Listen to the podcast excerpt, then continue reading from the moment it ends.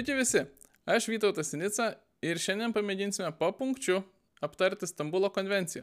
Taigi pirmas, Stambulo konvencija yra dar daugam negirdėtas, tačiau politikams labai svarbus dokumentas, kurio ratifikavimas žadamas būsimosios koalicijos sutartyje. Antra, tai dokumentas iš esmės besislepiantis po kovos su smurtu prieš moteris artimoje aplinkoje problema. E, nors dokumento tikrieji tikslai visai kiti ir apie juos dar pakalbėsime, tačiau pats pavadinimas ir apskritai tai, kaip šis dokumentas pristatomas, esą yra skirtas kovai su smurtu prieš moteris. Trečia, kovai su smurtu prieš moteris iš esmės jis nesiūlo nieko naujo.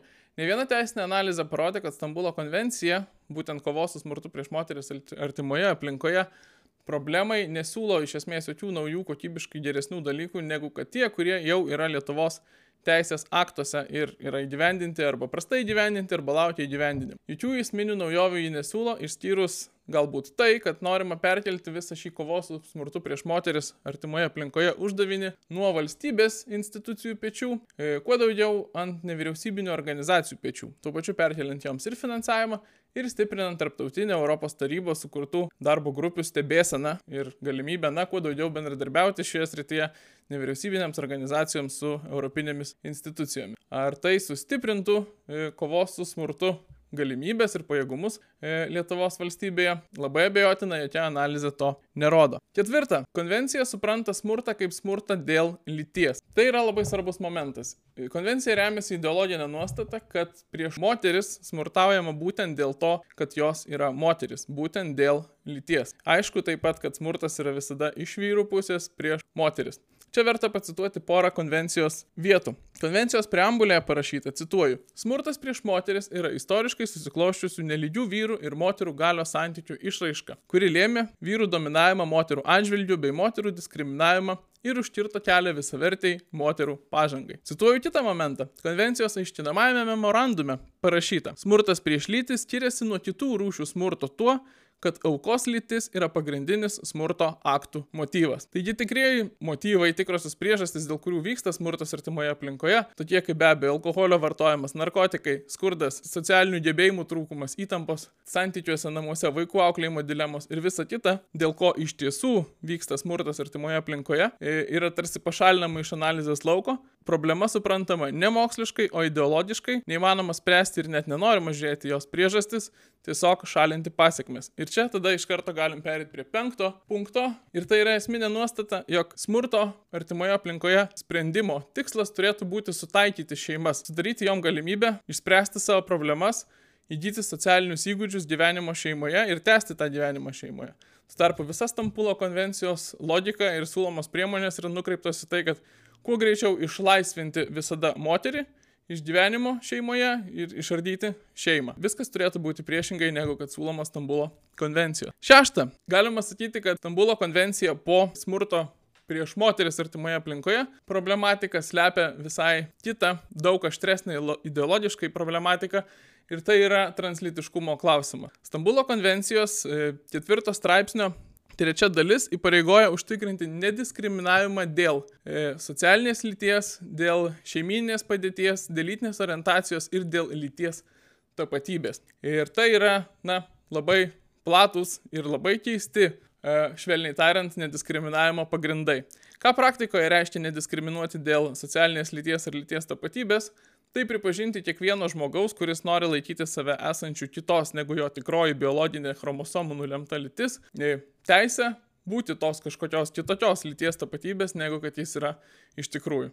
Paprastai tariant, jeigu prieš jūs sėdi žmogus, sakykime, Vytautas Sinica, e, norintis vadintis moterimi, jūs visi turėtumėte ir būti įstatymų įpareigoti e, būtent tokiu mane ir pripažinti. Vadinti mane moterimi ir elgtis su manim kaip su moterimi. Tai yra translitiškumo ideologijos pamatinė prielaida. Ypatingai vertas dėmesio čia yra ir lyties tapatybės, esant irgi minimos tame konvencijos 4 straipsnio 3 punkte, savoka. Lyties tapatybė neapibriešta Stambulo konvencijoje, tačiau žmogaus teisų organizacijų dokumentuose apibrėžiama kaip asmens vidinis savęs kaip vyro, moters, abiejų ar nei vienos lyties suvokimas. Tai, kaip individai save suvokia ir įvardė, asmens lyties tapatybė gali sutapti arba skirtis nuo jo biologinės lyties, citatos pabaiga. Ir tai reiškia, kad ne tik, kad vyrai gali vadintis moteriamis ar moteris vyrais, tačiau taip pat, kad gali kiekvieną dieną laikyti savęs ant vis kitos tapatybės, kad gali savo priskirti kitokias tapatybės nei vien vyras ar moteris, tų tapatybių skirtingos, na, šiuo neokomunistinio laisvėjimo keliu nuėjusios šalis e, pripažįsta vis daugiau ir įvairesnių. Vokietijoje buvo juokiamasi parlamente iš to, jog tokių jau suskaičiuoja apie 70, galbūt kai kur tas sąrašas ir dar ilgės. Nėra priežasčių, kodėl jis negalėtų ilgėti, nes su tikrovė jis neturi jokio principinio ryšio. Visas šitas tapatybės ratifikavus Stambulo konvenciją žmonės turėtų pripažinti. Aštunta, čia verta atkreipti dėmesį į tai, kokį totalitarinį pobūdį įgyja šie reikalavimai nediskriminavimo dėl lyties tapatybės ir socialinės lyties reikalavimai. Turbūt Lietuvoje jau nemažai kam girdėtas vienas garsiausių pasaulio psichiatrų, profesorius Jordanas Petersonas, dėstęs Toronto universitete, buvo iš jo pašalintas po to, kai atsisakė vadinti studentus pagal jų pageidaujamus įvardžius. Na tai yra ne būtinai, tarkim, merginas merginomis, vaikinus vaikinais, o taip, kaip jie pasakys. Kanadoje priimtas bilis C16 įpareigojo jį tai daryti ir numatė netgi bausmes už šito nesilaikymą. Jordanas Petersonas pasakė, kad toks reikalavimas yra iš esmės totalitarinis. Kodėl? Todėl, kad diktuoja, ką, tu, ką ir kaip turi mąstyti ir kalbėti piliečiai. Net jeigu tai tiesiogiai prieštarauja jų sveikam protui ir na, betarpiškai patirčiai ir suvokimui apie tai, kas vyksta aplink juos. Tai iš esmės, na, yra totalitarinė mąstysena. Ne tik Kanadoje jau su tuo susidurta, ne vienoje šalyje tai vyksta, tiek Šiaurės Europoje, tiek Vakarų Europoje, tiek atskirose JAF valstijose. Ir su šita problema praktikoje galėtų susidurti bet kuri Stambulo konvencija ratifikavusi šalis. Devinta. Bandant ratifikuoti Stambulo konvenciją, ne vienoje šalyje prasideda manipulacijos tiek galimybėmis dėl išimčių, tiek ir savokomis. Lietuvoje socialinės apsaugos ir darbo ministerija praėjusią kadenciją visokiais būdais bandė įtikinti visuomenę, o didžioji žiniasklaida tam labai padėjo, jog esą yra įmanoma tiesiog išversti gender savoką kaip ne socialinė lytį, o kaip tiesiog lyti ir ne va tada visa problema išsispręs. Bet ta, jog pačioje konvencijoje yra apibriešta, jog e, socialinė lytis jog gender reiškia būtent socialinę lytį ir socialiai susiformavusias lyties sampratas. Ir šis bandymas vienaip ar kitaip versti konvencijos tekstą neturi jokios reikšmės. Kiekviena konvencija, jeigu jį ratifikuojama, jos yra laikomasi pagal jos originalų tekstą, o ne vienokius ar kitokius vertinius. O jo labiau, jeigu ir savokos joje yra apibrieštos. Panašios manipulacijos vyko Lenkijoje, kur ankstesnė liberali valdžia buvo ratifikavusi šią konvenciją. E, ten bandyti apsimesti, kad e, ratifikuota su išimtimi, jog tai negali prieštarauti Lenkijos konstitucijai. Nors ir ten tai buvo manipuliatyvu, Lietuvoje iš vis toks sprendimas nieko neduotų, nes konstitucija pati nieko konkretaus nesako apie e, lyties tapatumo ir socialinės lyties problemas. Reikalas tas, jog iš tiesų pati konvencija neleidžia jokių išimčių, išskyrus keletą straipsnių. 78 konvencijos straipsnis, kalbantis apie išlygas, nurodo tuos kelius straipsnius,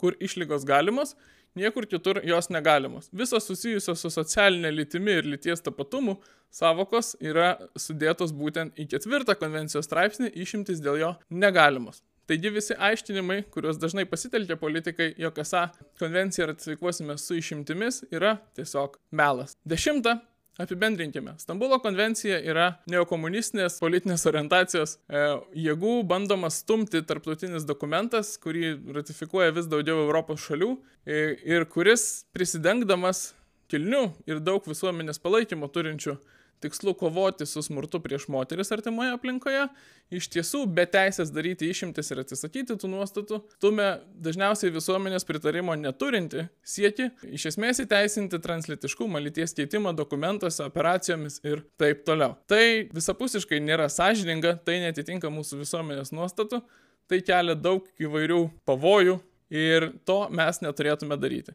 ar valdantiesiems užteks balsų e, tą padaryti ir ar didžiosios žiniasklaidos pagalba taps pakankama priemonė pasiekti tam palaikymą, pamatysime. Tačiau ratifikuoti Stambulo konvenciją būtų didelė klaida. Šiandien tiek apie tai. Ačiū, kad mus klausote ir žiūrite. Remkite mus Patreon, prenumeruokite YouTube. Iki kitų kartų.